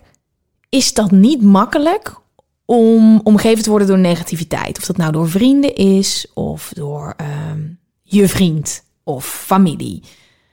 Heb je dat soort momenten gehad? Van ja, ik had dat in het begin heel erg. Wow, ik ben helemaal oké met mezelf. En ik weet ook precies van nou, dus niet roddelen, niet slecht praten. Dit is bad vibes. Praat niet zo van ik voel me kut. Ik heb er geen zin in. Ik. eh. En dan als je dat gaat voelen, word je in één keer hyper alert. En dan moet je daar een weg in vinden. Botsen dat wel eens met jouw omgeving of in jouw hoofd? Mm, ik eh, heb me heel erg verdiept in een cursus in wonderen. Ik weet niet of je die kent. nee. Dat is, eh, nou, ik denk dat weinig mensen het boek willen lezen, want je doet er minimaal een jaar, maar meestal leven Ja, dit heb jij verteld. dit heb jij verteld. Ja, het is echt, eh, echt krankzinnig. En, en ja, die, die- ik weet, je kan het niet echt een leer noemen, maar dat, ik, ik geloof heel erg in die levenshouding. En dat heb ik heel erg eigen gemaakt. Dus daar hoef ik ook eigenlijk niet meer over na te denken. En ik heb nu, ik, ik spoel even vooruit, want dan wordt die wat concreter. Ehm, ik heb voor mezelf voorgenomen om een jaar conflictloos door het leven te gaan. Wow, welk jaar was dit? Nee, dat het Is komende nu. jaar, ja. Oh, dit is wel al een goed voornemen. Ja, ja, ja, zeker. Ja, ja. En, en, en al actief. Maar laten we ook zeker volgend jaar daar volle bak mee bezig gaan. Conflictloos door het leven. Ja. Hoe zit dat in elkaar? Eigenlijk is het zo simpel als eh, als je gelooft dat ieder mens in de kern liefde is. Gewoon zoals Mhm. een baby is. Weet je, een baby, daar zit geen kwaad in. Zo worden we geboren en vervolgens leren we allemaal dingen aan. En daar komt een heleboel gezeik bij kijken. Ja. Dus we worden bang, we worden boos, we worden jaloers, we worden dat soort dingen. ja. Als je jezelf gaat trainen in gewoon continu die liefde in de ander zien.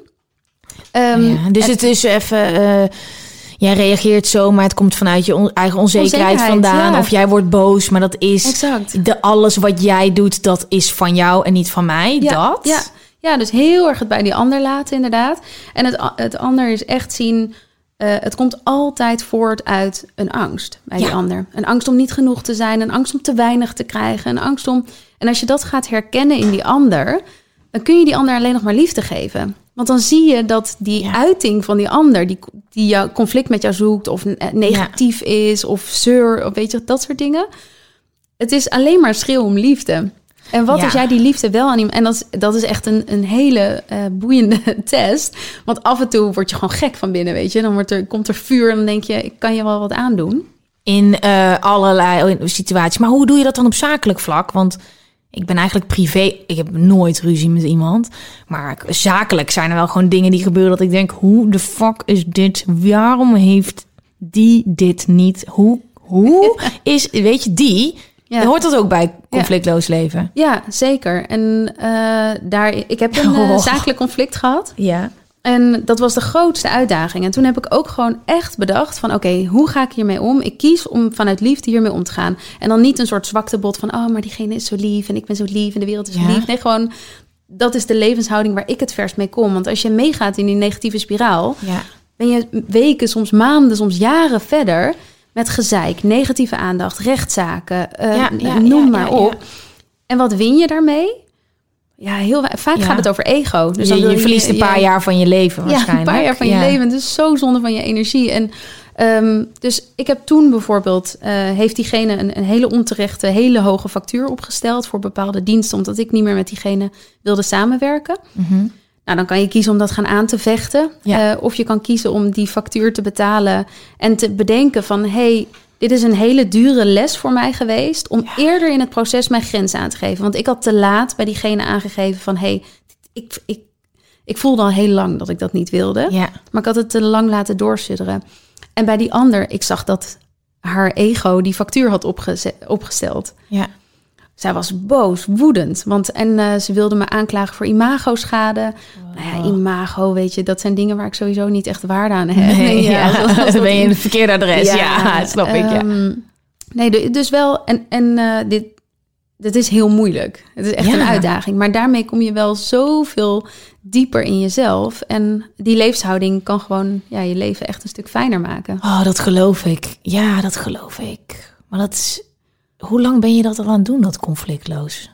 Eh, nou ja, eigenlijk sinds ik met die leer, een cursus in wonderen, ben begonnen. En hoe lang is dat? Maar, maar, en het is tot nu toe gelukt? Nee, nee, nee. En dat Oh. lukt heel vaak niet. Dan, dan ben, ik gewoon, ben ik gelukkig. gewoon kwaad. Gelukkig. Ja, ja, ja. Nee, maar het is, het is een constante oefening. Want kijk, ik, ik zou eh, pretentieus kunnen zijn en te zeggen... ja, ik ga helemaal zo door het leven. Maar dat is niet het leven, weet je. Wat jij zei, er is gewoon... ja, af en toe val je en dan leer je. Ja, En, maar elke keer weer opnieuw wel die uitdaging aangaan. ja. Oh, wat interessant. Oh, wat cool. Ja, dat is zeker wel iets wat ik ambieer. Conflictloos door het leven gaan. Het is echt heel lekker. Als lukt. we hadden het natuurlijk over, over vriend. Ehm, wat wilde jij nou vragen? nou, hoe dat, bij, hoe dat bij jou dan gaat. Krijg je Nou, je vriend ik- mee? In, in het begin was het zo, dit is hoe het moet zijn. Ik heb de sleutel gevonden. Alles is positief. Negativiteit bestaat niet. En toen dat betekende ook gewoon dat ik dus nog helemaal niet kon handelen. Dat was nog steeds die spiegel, want ik kwam, dan ging dan lekker me afzonderen en dan kwam ik terug en dan was in één keer het leven niet helemaal gewoon rood scheur maneschijn en dan woon je samen, dan is gewoon het echte leven daar en daar moest dat vond ik wel moeilijk. Dus ik dacht, als ik maar alleen of met mezelf ben, dan is dat er niet.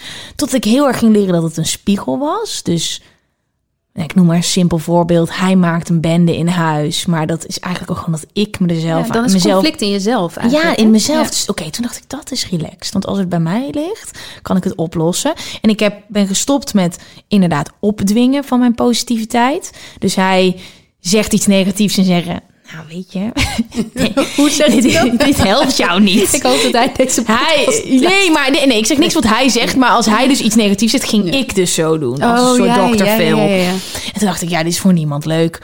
Ehm, en eh, dat heb ik al best wel snel losgelaten. Want ik merkte al van, ja... Yo. En het is wel toen in het begin dat wij samen gingen wonen. We, we woonden al een paar jaar samen. Maar toen ging zich dat vormen. En merkte ik, oh, we zijn dus samen in één huis. En we hebben allebei ons eigen leven. Maar als ik nu dus gewoon geen prikkels wil... Als hoogsensitief persoon... En geen stress. Ja, hij, is, hij heeft zijn ding. Dus dat heb ik heel erg mooi kunnen scheiden. En ik heb dus geleerd, dat is het allerbelangrijkste, dat zijn emmertje zijn emmertje is. En mijn emmertje is mijn emmertje. ja. En als hij eh, zijn emmertje niet vol is, heeft hij niks om aan mij te geven. Als ik mijn, niet lief genoeg voor mezelf ben geweest en mijn emmertje niet heb gevuld met dingen waar ik lekker op ga, heb ik niks om te geven. Dus zijn emmer is niet mijn verantwoordelijkheid. Ik moet ook niet thuiskomen en denken, "Oh, mijn emmer is leeg, please, maak me gelukkig. Ja, dus ja, dat was heel erg van, ik wilde zijn emmer vullen, ik wilde dat hij mijn emmer vulde. En eh, dat ik dacht, wow, ik zonder me gewoon af als ik gewoon niet zo lekker ga. Dat geef ik mijn grens aan. Dus zo, weet je, ik kom net terug van dit en dit. Ik voel me niet zo lekker, weet je, ik verwacht niks van jou. Maar, en, en ik merkte dus dat ehm, hij dat fijn vond. En dat hij ook geïnteresseerd raakte. Hij, op een gegeven moment zei hij gewoon, ik weet niet precies wat je aan het doen bent. Maar hij zag gewoon dat het. Ik echt- wil dit ook. Ja, hij zag dat het zo goed ging. En eh, dat ik zo lekker in mijn vel zat. En dat ik fysiek en mentaal fitter werd. En uh, ik ja, zei op een gegeven moment, ik weet niet wat je allemaal met die boeken en zo doet. Maar ik zie dat het voor jou werkt. En hij is zijn eigen stappen erin aan het maken. En we zijn ook samen op vakantie geweest naar Bali. En waar hij kennis heeft gemaakt met alles wat ik tof vind. En heeft hij ook zijn hele eigen blik eh, op. En zo is hij zelf ook allemaal dingen gaan doen die ik niet per se heel interessant vind. Maar en wij praten daarover en ik probeer wel heel erg mijn, mijn plek te vinden in als hij advies nodig heeft om niet meteen soort van te zeggen: Oké, weet je wat jij moet doen? Wat jij nu voelt, dat is dit en dit. En dan kan je dit en dit Kom doen. even op de bank liggen. Ja, is goed. En dan Ja. kunnen we. En eh, waar ben je dankbaar voor? En eh, ik moet hem wel echt. Dat is, nou, dat is gewoon altijd een les. Ja, ja. En dat, dat praten over, dat is wel... Zonder dat je iemand de les gaat leren, maar wel delen waar je in zit en wat je meemaakt en wat je hebt Ja. geleerd. Dat je elkaar ook niet verliest in het proces. Want dat, Ja. dat gebeurt soms ook als iemand zich meer gaat verdiepen in mindfulness en dat soort Ja. dingen. Ja. En als de ander helemaal niet mee gaat bewegen. Nou, dat, ik weet niet hoe jij dat hebt ervaren, maar in het hele persoonlijke ontwikkelingsproces, daar verlies je ook wel echt mensen in. Want het is best wel sociaal 100%. ontwrichtend om Ja. ja, ineens je zo anders te voelen en de wereld echt anders te zien. En daar heb je ook andere mensen voor nodig om je heen. 100 procent. Heb jij dat veel gehad? Dat je dacht met vrienden van. Nou, Ja, ja, ik heb ook wel echt vriendschappen gewoon afgesloten. Mhm. Ja, echt zeg maar face to het gewoon face. gezegd, ja. Wow, dat vind ik knap. Dat kan ik niet. ja. Dat is echt nog iets wel. Misschien is het nog niet nodig geweest. Nee, maar ik heb wel dat ik gewoon heel erg goed kon meten met. Je, ik, da, ik maakte afspraken met mensen om afspraken met mensen te maken. Want dan leuk. Totdat ik merkte, wow. Ik ga net als met mijn werk dat ik dat had gehad. Dat ik dacht, hmm, als ik iedere keer met deze persoon afspreek en ik eh, voel me daarna niet chill, dan wil ik dit eigenlijk gewoon nooit meer doen. Ja, nou dat heb ik in mijn boek dus omschreven. Ik noem dat Ja. batterijmanagement. Ja. Gewoon letterlijk, jij bent een batterij. Ja. Waar krijg je plusjes en waar krijg je minnetjes van? Ja. En als die lijst met minnetjes langer is, ga echt dingen schrappen van die lijst. Want jij moet jouw batterij managen. En als die energie, als daar continu een lek in zit, ja, daar, daar krijg je echt hele vervelende dingen van. Ik vond het zo leuk in jouw boek dat het triggerde me zo toen ik het boek had gelezen.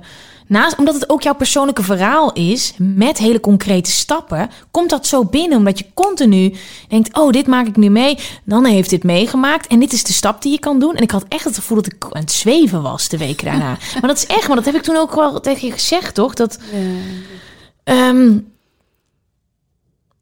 je moet soms een herinnering hebben en dat is fijn dat is als het een concrete herinnering is. Maar als het echt gemixt is met persoonlijke beleving van iemand, dus dat je echt een kijkje krijgt in iemands leven, dan ziet hoe jij dat hebt aangepakt, dan komt het zoveel meer binnen. Ja, super fijn dat je dit zegt, want ik heb heel lang getwijfeld of ik überhaupt mijn persoonlijke verhaal wilde vertellen. Oh ja. Toch goed dat ik het heb gedaan. 100 procent, want die kwetsbaarheid, dat maakt het zoveel waardevoller. Want je wil gewoon weten, maar waarom zeg je dit dan? Ja. Toch? Waarom Ja. zeg je dit dan? Ja.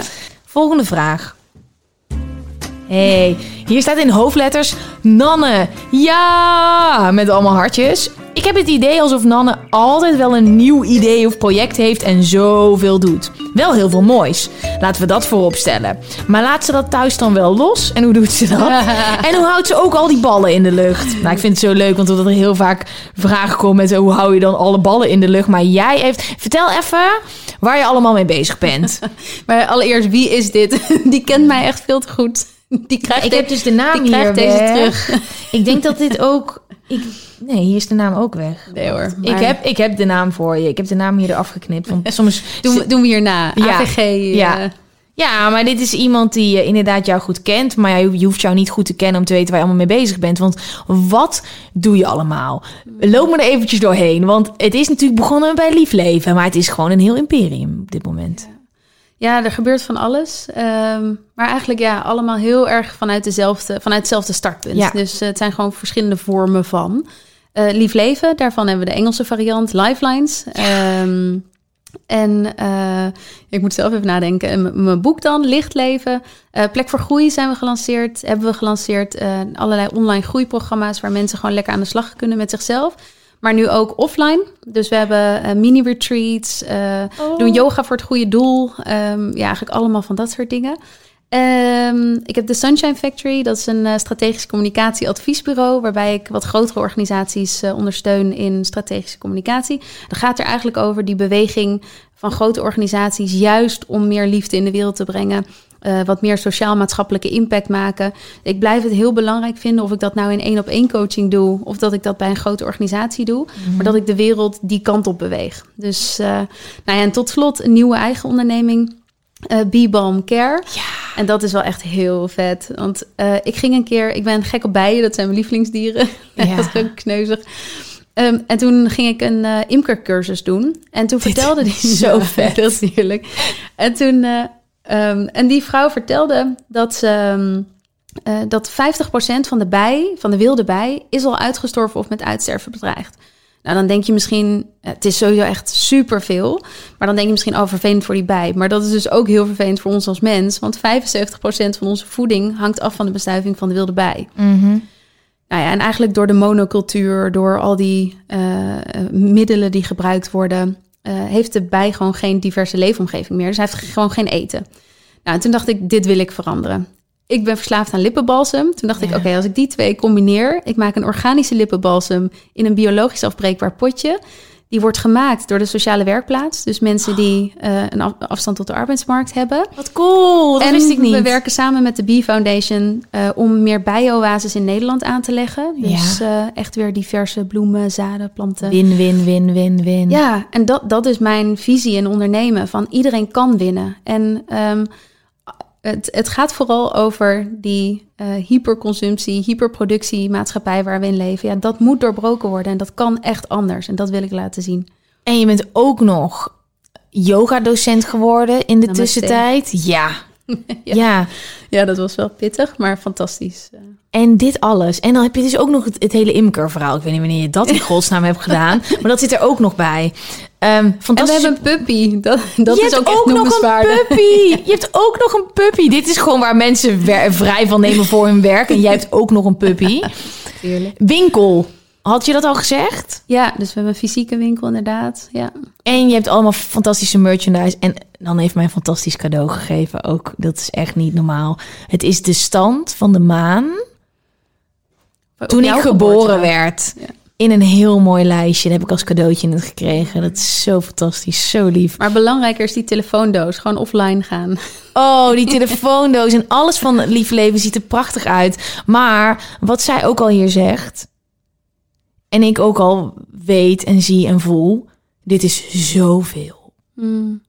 Hoe? Ja, ik, het, voelt, het voelt voor mij niet als veel. Dus eh, ik weet nog dat vroeger, eh, als ik dan op kantoor werkte, dan dacht ik, oh, ik heb, ik heb vandaag eh 30 e-mails, wat heb ik het druk. Maar dat bestaat voor mij niet. Ik heb op een gegeven moment in die functies die ik heb gehad, en daarom was dat ook onderdeel van mijn reis, was zo'n belangrijk onderdeel van mijn reis om juist super commerciële functies te hebben in grote organisaties. Want ik ben gewend om 200 mail per dag te krijgen. Daar, weet je, dat is niet meer druk voor mij. Ik weet gewoon wat mijn prioriteiten zijn. Ik weet wat mijn doelen op een dag zijn. En af en toe ben ik echt wel overweldigd. En moet ik van standje 6 echt geforceerd weer in één. Ja. Ehm, maar ik weet wel, ja, ik ga daarin niet over een grens. En zo, zo druk als het klinkt, dat valt wel mee. Ja, en voor Hoeveel- anderen zou dit misschien druk zijn. Het is ook mijn natuur, weet je. Het zit in mijn Ja. aard. Ik ben hiervoor geboren, dus zo voelt dat echt. En dit is denk ik ook gewoon een gedeelte van het zakelijk zo goed op orde hebben. En Ja. dat jij Ja. zo in je kracht staat. Oké, je weet onder welke paraplu je het wil doen. Je wil de wereld een mooie kant op sturen. Maar ook gewoon weten van waar ben ik goed in? En wat moet ik uitbesteden? Ja, ja, je zegt daar iets heel cruciaals. En dat is eigenlijk die eerste vraag, waarom doe je het? Ja, En als je weet waarom je het doet, dan weet je ook precies wat je wil doen en wat je vooral ook niet moet doen. En je Ja. weet ook precies waar jouw focus moet liggen en wat je dus inderdaad ook aan anderen geeft. Ja, want heel, heel veel, kijk, zonder team zou ik dit niet kunnen doen, hè? Nee. Hoeveel mensen heb je nu? eh, ja, inmiddels zijn we met z'n negenen. Dus ja, dat, ik ben het niet alleen. Nee. En dan heb jij gewoon ook een hele duidelijke stappen gemaakt in... Oké, dit is het gedeelte wat ik wil doen. En dit is het gedeelte wat anderen doen. Wat, wat, waar ben jij dan een ster in en wat geef jij niet uit handen? Eh, visie, creatie, richting geven, dat gedeelte. En de rest doet het team. Ja, dus bijvoorbeeld eh, Julie, dat is mijn businesspartner Ja. bij eh, Lief Leven. Die is heel goed in de back-office en echt ja, alle details en, en de leveringen. En ja, daar, daar doe ik eigenlijk daar doe ik vrijwel niets in. Oh, ik bedenk soms nieuwe producten. Oh, wat fijn. Ja, en ik moet bewaken, want ik creëer natuurlijk, oh, dat is voor jou ook. Mhm. Als je wil creëren, dan moet je wel echt ja, rust en ruimte. En daarom, ik, ik heb net, eh, ben ik een week offline geweest. Dus dan gaat echt het internet van mijn telefoon. En ja, ja dan mis ik heel veel dingen. En eh, soms is het praktisch heel onhandig. Maar, je bent echt ook voor- het team niet bereikbaar. Ja, ja. Wat Ja. vet dat dat kan. Ja, fantastisch hè? Zo, dan heb je het goed voor elkaar. ja, dan zijn zij heel goed. Ja. Oh, wat fijn. Ja, maar jij hebt ook gewoon die mensen bij elkaar gezet. Weet je, je hebt ook in dat in hun gezien dat zij dat kunnen. En dat je dan ook die rust hebt, dat je dat kan doen. Dat is trouwens ook heel grappig. Dus als jij je waarom weet en als je daarvoor gaat, dan gaan die mensen zich vanzelf aansluiten. Ik heb die mensen nog nooit gezocht. Maar er zitten echt mensen die zijn zo fantastisch en die doen dat vanuit precies dezelfde why. Ja. En dan, dan hoef je niet eens op zoek. Dat is ook zo mooi aan het leven. Het komt allemaal naar je toe, maar je moet gewoon iets geduldiger zijn eh, af en toe. Ja. Note to self trouwens. Note Ja, maar ik vind het zo mooi, want ik kijk echt met superveel bewondering naar je. Hoe je al die stappen hebt gezet en wat je allemaal hebt gedaan. En dat je hier toch zit. Kijk, je bent top, top zakenvrouw. Nu misschien nog meer dan dat je ooit was, maar nu met andere intenties. Waardoor je hier nog steeds zit. Alsof je Nog gewoon. sterker. Ja, Ja. alsof je gewoon niet zoveel businesses achter je hebt staan waar je verantwoordelijk voor bent. En Ja. ik denk dat een hele hoop mensen die in jouw schoenen staan, hier niet eens een gesprek op deze manier kunnen. Ik heb wel eens een gesprek, dan ligt een telefoon hier zo. En dan zie ik zo pap, pap, pap, al die notificaties, pap, zoveel verschillende dingen. En de rust die je uitstraalt. Ja, dat heb ik ook niet. Ik heb geen enkele notificatie of dat soort dingen. Dat doe ik Nee. niet aan. Eh, Nee, ik heb ook geen geluid op mijn telefoon. Ik heb nog nooit horen afgaan. Ik zou schrikken, denk Ja. ik. Maar het is toch grappig dat je eigenlijk nu... Wat is het verschil met jij die op die businessfunctie was... voor die grote corporate... en jij nu voor jezelf? Ja, de, de waarom klopt. Ja. Dus eh, die ander was heel erg om te laten zien dat ik niet dat kleine eh, poppige meisje was, Ja. maar gewoon een sterke vrouw. En eh, nu hoef ik dat niet meer te bewijzen. Ik doe gewoon wat ik wil doen en wat ik moet doen. Waarom, voor waar, waarom ik er ben. Ja, dus het, kom- het komt echt van een, een veel stevigere plek. Alsof ik veel meer wortels in de aarde heb zitten. Dus ook als er nu dingen even helemaal niet goed gaan, en dat gebeurt echt nog iedere dag. Als ondernemer heb je gewoon iedere dag wel weer een andere, andere soort tegenslag. of tegenslag, uitdaging noemen ze dat. Ja, Ehm, precies, ja. precies, ja. Dat heb ik ook laatst. Ik, Ja, iemand. Ik ben. Eh, niet eh, druk, zei iemand. Ik ben productief. En toen had ik dus dat, toen ging ik dat vertellen. Dus ik ging dat zeggen. En toen was ik echt zo'n fucking gekkie. Want eh, ja, maar dit is niet hetzelfde. Dus ik ging, het was waarschijnlijk ook in het Engels. Want ik luister een podcast in het Engels. Ja, I'm, productive. Ja, Jay Shet- Shetty. Ja, ja, ja, dus hij zei dat. oh, wat mooi. Ja. Wat was je het aan het zeggen? Ik lul hem over je heen. Over- oh nee, ik ben, ik ben helemaal met jou meegegaan. Dat weet ik niet meer. Oh ja, over, het, over de tegenslagen die je hebt. Oh ja, Ja. Nou ja, gewoon elke dag een nieuwe uitdaging. En, en dat is af en toe heel vervelend. Maar als die wortels heel goed in de aarde zitten... en om, dat betekent gewoon weten waarom je iets doet... Precies. eh, dan boeit dat niet zoveel. Ja, dan breken er een paar takken af, maar die stam blijft staan. En Ja, dan is het gewoon echt oké. vet. Of als mensen je niet leuk vinden... of het niet met je eens zijn... of een andere kant op willen. Ja, Ja, kom maar. ja, precies. 100 procent. 100 procent. ja, dit is leuk. Even kijken of dit wel klopt. Oké, dit klopt bij de vraag. Soms is het een hele intense vraag, dan kan deze niet. Lieve Gwen en Nanne. Ten eerste, wat ben je een topper, Gwen? Ik ga zo lekker op je podcast en ik ben nog steeds aan het mediteren. Zo fijn. Yes. Sinds corona ben ik wat bewuster gaan leven en ben ik mezelf meer bezig gaan houden met ontdekken wie ik ben en wat ik graag wil in het leven, wat super fijn is. Ik heb het mooie boek van Nanne ook gelezen en man, wat heeft die vrouw een wijsheid. Ik probeer iedere dag te nemen als iets nieuws moois. Maar ik merk als ik een dag wat minder start, en het hoeft alleen maar een gevoel te zijn, dan neem ik dat de hele dag mee en ben ik daardoor minder productief en raak ik gefrustreerd en ben ik ook minder lief voor mezelf, et cetera, et cetera. Zijn er tips om uit zo'n dagdipje te komen? Bam. Ja, Zo. dit is de laatste vraag. En ik dacht, ja. Ten eerste, vet leuke complimenten. Ja, Maar en daarnaast... echt heel terecht. Wat je, ik ben het met haar eens. Ja, ik ben het ook met haar eens. Ja.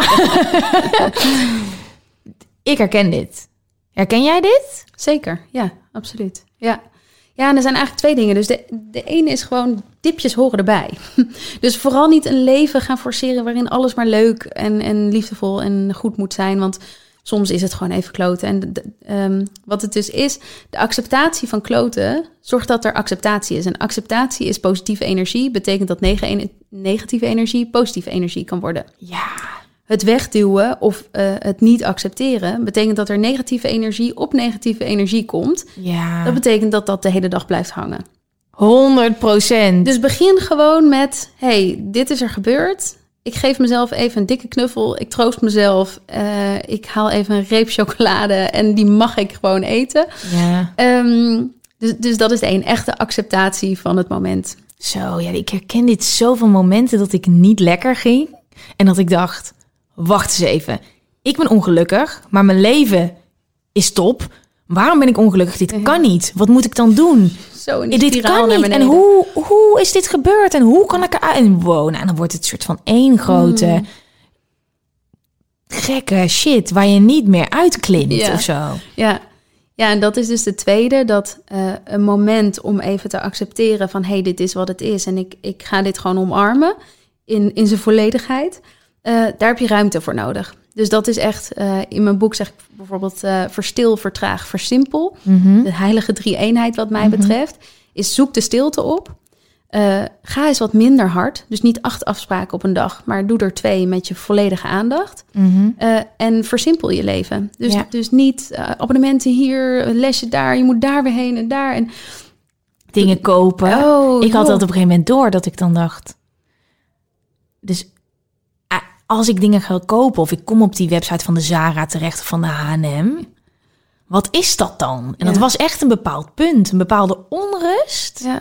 die ik dan opvulde met, oh dan komt er een pakketje aan. Ja. Grappig is dat. Ja, het is echt die, de, eh, ja, weer mens als pijnvermijdend wezen. Ja. We willen gewoon niet die onrust of die leegte of die pijn. Ja. Dus dan gaan we dat opvullen met van alles van buiten. En ehm, doordat je wat meer rust en ruimte in je leven creëert, heb je ook meer rust en ruimte om te reflecteren op wat er gebeurt. Ja. Want anders ga je als een soort van stoomwals er doorheen. Ja. En blijft dat maar zitten. Ja. Dus eh, eigenlijk hoef je alleen maar de weg vrij te houden. Ja. Zodat het leven kan gaan stromen. En dan stroomt het af en toe opwaarts en af en toe gaat het naar beneden. Maar dan stroomt het tenminste. En ze heeft het over die ochtend specifiek. Hè? Ik herken dat heel erg. Ik heb een ochtendroutine. Wat is jouw ochtendroutine? Nou, ik sta op. Ik heb echt een space. Ik heb een, een app namelijk. Die heet Fabulous. Ken je Ken ik dat? niet, Nou, nee. Ik weet niet of dat nou de hele naam is. Maar die had ik al heel lang. Had ik per ongeluk een abonnement opgenomen. En die was er de hele tijd. Ik kreeg updates. Ik denk shit. En ik kon ook niet meer afzeggen. Nou, dan kun je routines bouwen. En eh, dat zijn momenten. En dan kan je echt in dat moment opgaan. Dus je zet een koptelefoon op. Maar vanaf dat je wakker wordt is het ik drink water, maar dan heb ik dus een bepaald plaatje met een bepaald muziekje. Nou, ik doe dit niet meer de hele tijd zo, maar dit was om erin te krijgen. Tanden poetsen, water drinken, mediteren, schrijven. Dan is er een soort van affirmatiestukje dat je meekrijgt. Ehm, dan is er even kort bewegen, zeven minuten. Daarna even stretchen. En daarna even niks doen. Dus een soort van observeren met een kop koffie. Voordat ik aan mijn to-do-list begin. En ik merkte dus op een gegeven moment dat als ik dat niet deed... Want je hebt gewoon dagen dat je niet tijd hebt voor eh, zeven minuten bewegen, Ja, ja. stretchen, even observeren. Ja, Ja. er zijn gewoon momenten dat ik gewoon op de klok kijk en denk, ja, ik heb mijn tanden gepoetst en water. En dan dacht ik al, oh, mijn dag is niet geslaagd. En dat heb ik echt moeten, want je gaat, je leert en jij hebt ook, weet je, zoveel wijsheden en je leert en je groeit en je weet wat goed voor je is. Maar het leven is ook gewoon het leven. En de realiteit is dat je niet altijd jezelf daarin kan duwen. Dus dat me heel lief naar mezelf kijken van, oké, die ochtend kan misschien niet chill zijn. Die heb ik niet zo gedaan. Dus ik heb afspraken en daarna denk ik, fuck, mijn dag is niet compleet. Dan heb ik een aantal dingen, daar heb ik ooit een TurboGun over opgenomen. Die heet de mood boosters. Van wat kan je nou Leuk. doen om gewoon even om te schakelen. Ja. Ehm, het kan zijn muziekje opzetten. En ik ben niet een hele grote muziekluisteraar, maar gewoon van die liedjes waarvan je in één keer weet, ah, het is bewezen dat muziek, weet je wel, je meteen in de mood kan brengen. Maak eens een playlist met liedjes waar je lekker op gaat. Ja. Te switchen. Of een mapje met foto's, met herinneringen waar je een soort van trots op jezelf bent. Een trots mapje, of een blij mapje, of een boost mapje van wow. Ja. Een soort van dat. Of lachen. Ik heb een stukje wat ik altijd kijk, een soort van sketch. Van, eh, en dan denk ik, ja, daar moet ik echt om lachen. Dat is gewoon al een reset. Ja. Die kleine dingetjes. En ook weten dat het ja, iedere dag is anders. En de ochtend hoeft niet per se te bepalen hoe de middag gaat. Ochtend is vaak wel belangrijk, maar, Mhm. en, eh, maar het moet geen, het moet, ja. Eigenlijk, eh, toen ik jou hoorde, dacht ik, de enige vraag die je hoef, jezelf hoeft te stellen is, wat heb ik in dit moment nodig? Precies. En weet je, als dat even in zo'n rascal morning is, om Ja. te gaan met die bananen en een paar shots cafeïne te nemen. En wat heb ik nodig? Als dit even is wat ik nodig heb, dan is Ja. dat helemaal oké. Ja. En die andere dagen, ja, dan zijn dit soort dingen helemaal fantastisch. En om dat eigen te maken, dat is wel heel fijn. Om daar echt een soort van routine, patroon in te krijgen. Ja. Zoals jij dat net omschrijft. Dat is zo waardevol. Ja. En Want- ja, en het gaat gewoon niet iedere dag zoals je wil. En dan moet je je daar ook bij neerleggen. Nee, eh, welcome to eh, the life with the puppy. Ja, ja. Ja, dat is gewoon eh, vier keer per nacht eruit en s ochtends vroeg. En ja, dan, dan zit ik niet rustig mediterend. Überhaupt, als ik nu in een downward facing dog zit, dan zit er een dog ook nog in mijn haar vast. En ja, weet je, dingen gaan gewoon anders. En ik denk helemaal, nou, wij zijn geen moeder allebei, nog geen moeder allebei. Maar voor heel veel vrouwen die kids hebben, holy shit. Echt, Ja. ja, zoveel respect dat je überhaupt een minuut voor jezelf kan vinden. Ja. Maar zoek wel die kleine minuut in de dag. Ja, 100 procent. Dit was de allerlaatste podcast van het jaar. Dat meen je niet. Ja, Gelukkig nieuwjaar. eh. gelukkig nieuwjaar. Oh, De beste wensen. Ik vind Ja, oh, zo. Maar het is zo grappig, want eh, daar had ik het al eerder met iemand over. Maar we zitten allemaal een soort van, oh, 2020. Dan sluiten we het af en dan is er 2021 en dan eh, is alles anders. Nou, dat is natuurlijk niet zo. Nee, en 2020 was op zoveel vlakken ook echt een heel interessant, boeiend, mooi jaar. Ik had het voor geen goud willen missen. Ik ook niet. Dit was er niet geweest op deze manier. Nee. De, je, je hele show. Deze we hadden hier niet gezeten zonder. eh, ik denk dat de, de hele inhoud van alles wat nou, alles wat ik heb gedaan, ik heb sowieso een soort rust gevonden. Hmm. Wat heeft 2020 jou gebracht? Eh, ja, nog dieper naar de kern. Dus ja, heel veel dingen vielen weg. En dat gaat over businessmodel. Dus Mhm. hoe kan je je bedrijf nog steviger neerzetten? En dat ging ook over mij persoonlijk. Van, oké, ik kan heel veel mensen niet meer zien. Ja, mis ik die mensen? Ja, er zijn er ook een paar die ik gewoon niet mis. En dat is gewoon oké. Weet je, je leven, ja. Nee, wat kernachtiger of zo. Ehm, en, en uitdaging en creativiteit. Ja, heel veel mooie dingen. Buiten dat er ook heel veel nare dingen waren. Maar En wat gaat het volgende jaar brengen? Hmm, ik hoop iets meer Ja, ik lieg. Wou je rust meer zeggen? rust. Maar ik Ja. denk niet dat rust het woord is. Want als je gewoon geniet van de dingen die je doet... en dat, dat heb ik echt heel, heel, heel erg. Misschien harmonie of zo. Ja, Een balans bala- is ook ja. een lastig, want Ja. dat is ook een soort voor Weet ik veel. Gewoon gezellig jaar en, eh, en, en doorgaan met mijn missie. En dat is ook echt wat me, wat me drijft. Dus eh, dat. En, en daarin stappen zetten. Ja, ja dat is het. Mooi. En jij? Oh, nou, ik heb zoveel meer rust gevonden. En ook gewoon in Nederland meer rust. Dus meer hier. En ik ben gewoon mijn eerste stappen in het ondernemen aan het zetten. Ja, holy shit. En dat wilde ik altijd al. En ik roep al jaren, ik wil ondernemen, ik wil groeien. En ik weet gewoon dat als ik op het punt sta, net als bij alles wat ik doe, ieder programma of wat dan ook. Als ik weet wat ik moet doen, ga ik rennen. En ik voelde nu met met z'n allen, ik weet wat ik moet doen. Dus ik ben gewoon gaan sprinten deze zomer. En dat wat jij ook zegt, wat je aan het doen bent, nou ja, dat voelt niet als werken. Het voelt voor mij niet als werken. Het voelt allemaal zo natuurlijk. En ik heb gewoon een lieve kant gevonden van het internet. Ik had heel lang dat mensen mij misschien volgden door seks, drugs, dumpert, grote bek, oh, leuk, rah. En toen dacht ik, ik weet niet of voor mij, of ik kwetsbaar kan zijn tussen deze mensen. En nu zijn er in één keer allemaal mensen die hier wel klaar voor zijn en die ook Ja, heel veel liefde teruggeven. bijzonder. Want ik had dat niet dat mensen met per se liefde naar, want ja, waar kenden ze mij van? Dat was niet een kwetsbare plek. Dus dat ik in één keer een soort van liefde ontvang, waardoor ik zoveel energie krijg om. Dus ja, voor mij is gewoon 2020, 2020 was de basis van alles wat ik ga doen. Ik weet gewoon altijd dat ik de rest van mijn leven ga zeggen. ehm, los van alles waar ik al mee bezig ben, weet je, alle presentatieklussen en alles wat los staat. Maar 2020 is echt het jaar dat met z'n allen is geboren. Turbo Gwen is geboren. Met z'n allen de boekenclub, met z'n allen mediteren. Ja, dag, dit was er niet geweest als ik nog de wereld rond had kunnen vliegen. Ja, en, en het is zo belangrijk. Ik zie die shift dus ook heel erg bij de grote organisaties. Dat echt CEO's, echt de rijkste van ons land. Er zijn steeds meer mensen bezig met... hé, hey, maar er is toch meer in het leven dan deze buitenkant. En, en wat jij hebt gedaan, die switch naar die groep die jij bereikte... toch helemaal meekrijgen. Ook in dingen als meditatie of vragen over jezelf stellen. En ja, dat is fantastisch. Ja, het is echt heel leuk dat ik dit gesprek met jou kan doen. Want ik heb echt jou zo hoog zitten in alles wat je doet. Nog meer. Want ik, ik zag dit natuurlijk altijd al. Maar nu kijk ik met een hele andere blik ernaar. Van wow, hoe, vat je, hoe pak je lief leven samen met zakelijk zijn? Weet je wel, die twee worden eigenlijk als los gezien. En die breng jij samen. En dat is zo cool om te zien. En zo inspirerend. Dus vet leuk dat we zo hier ook konden kletsen. En dat, dat we...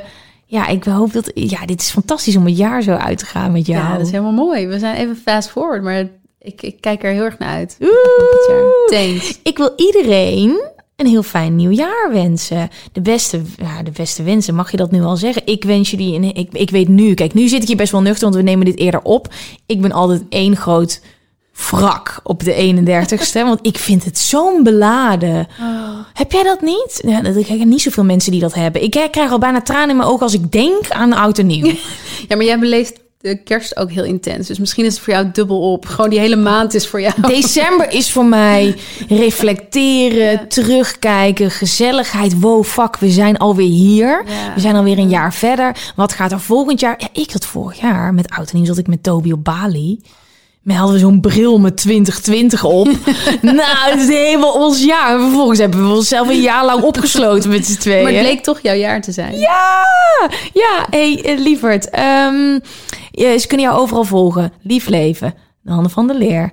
Ehm, ze kunnen het groeiprogramma volgen. Waar moeten ze daarvoor Plek voor naartoe? groei. Plek voor groei.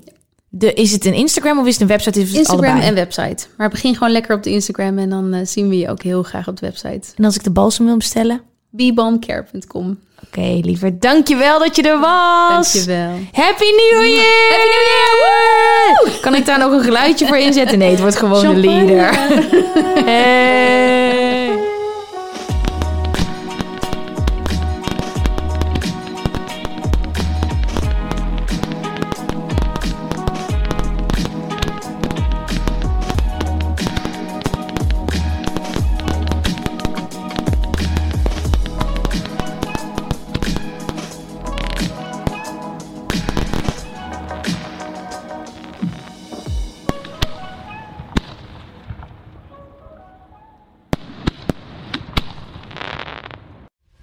jij dat jouw merk het verdient om in het volgende rijtje Tony Media adverteerders te staan?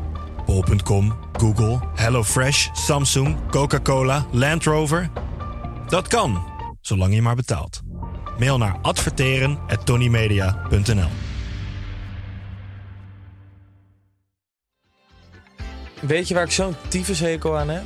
Toeristen, als het te druk is in de stad, zelf koken. Ja, alles wat je nu zojuist benoemt. En daarom maken jij, denk Daan Hogevorst, En Robert Rodenburg. een podcast waarin we alleen maar klagen. Want klagen is HET medicijn tegen het collectieve leed wat maandag heet. Dus elke maandagochtend een nieuwe te horen op je favoriete podcast-app. Maandag Klaagdag! Jezus, zingen moeten wij nooit doen. Planning for your next trip?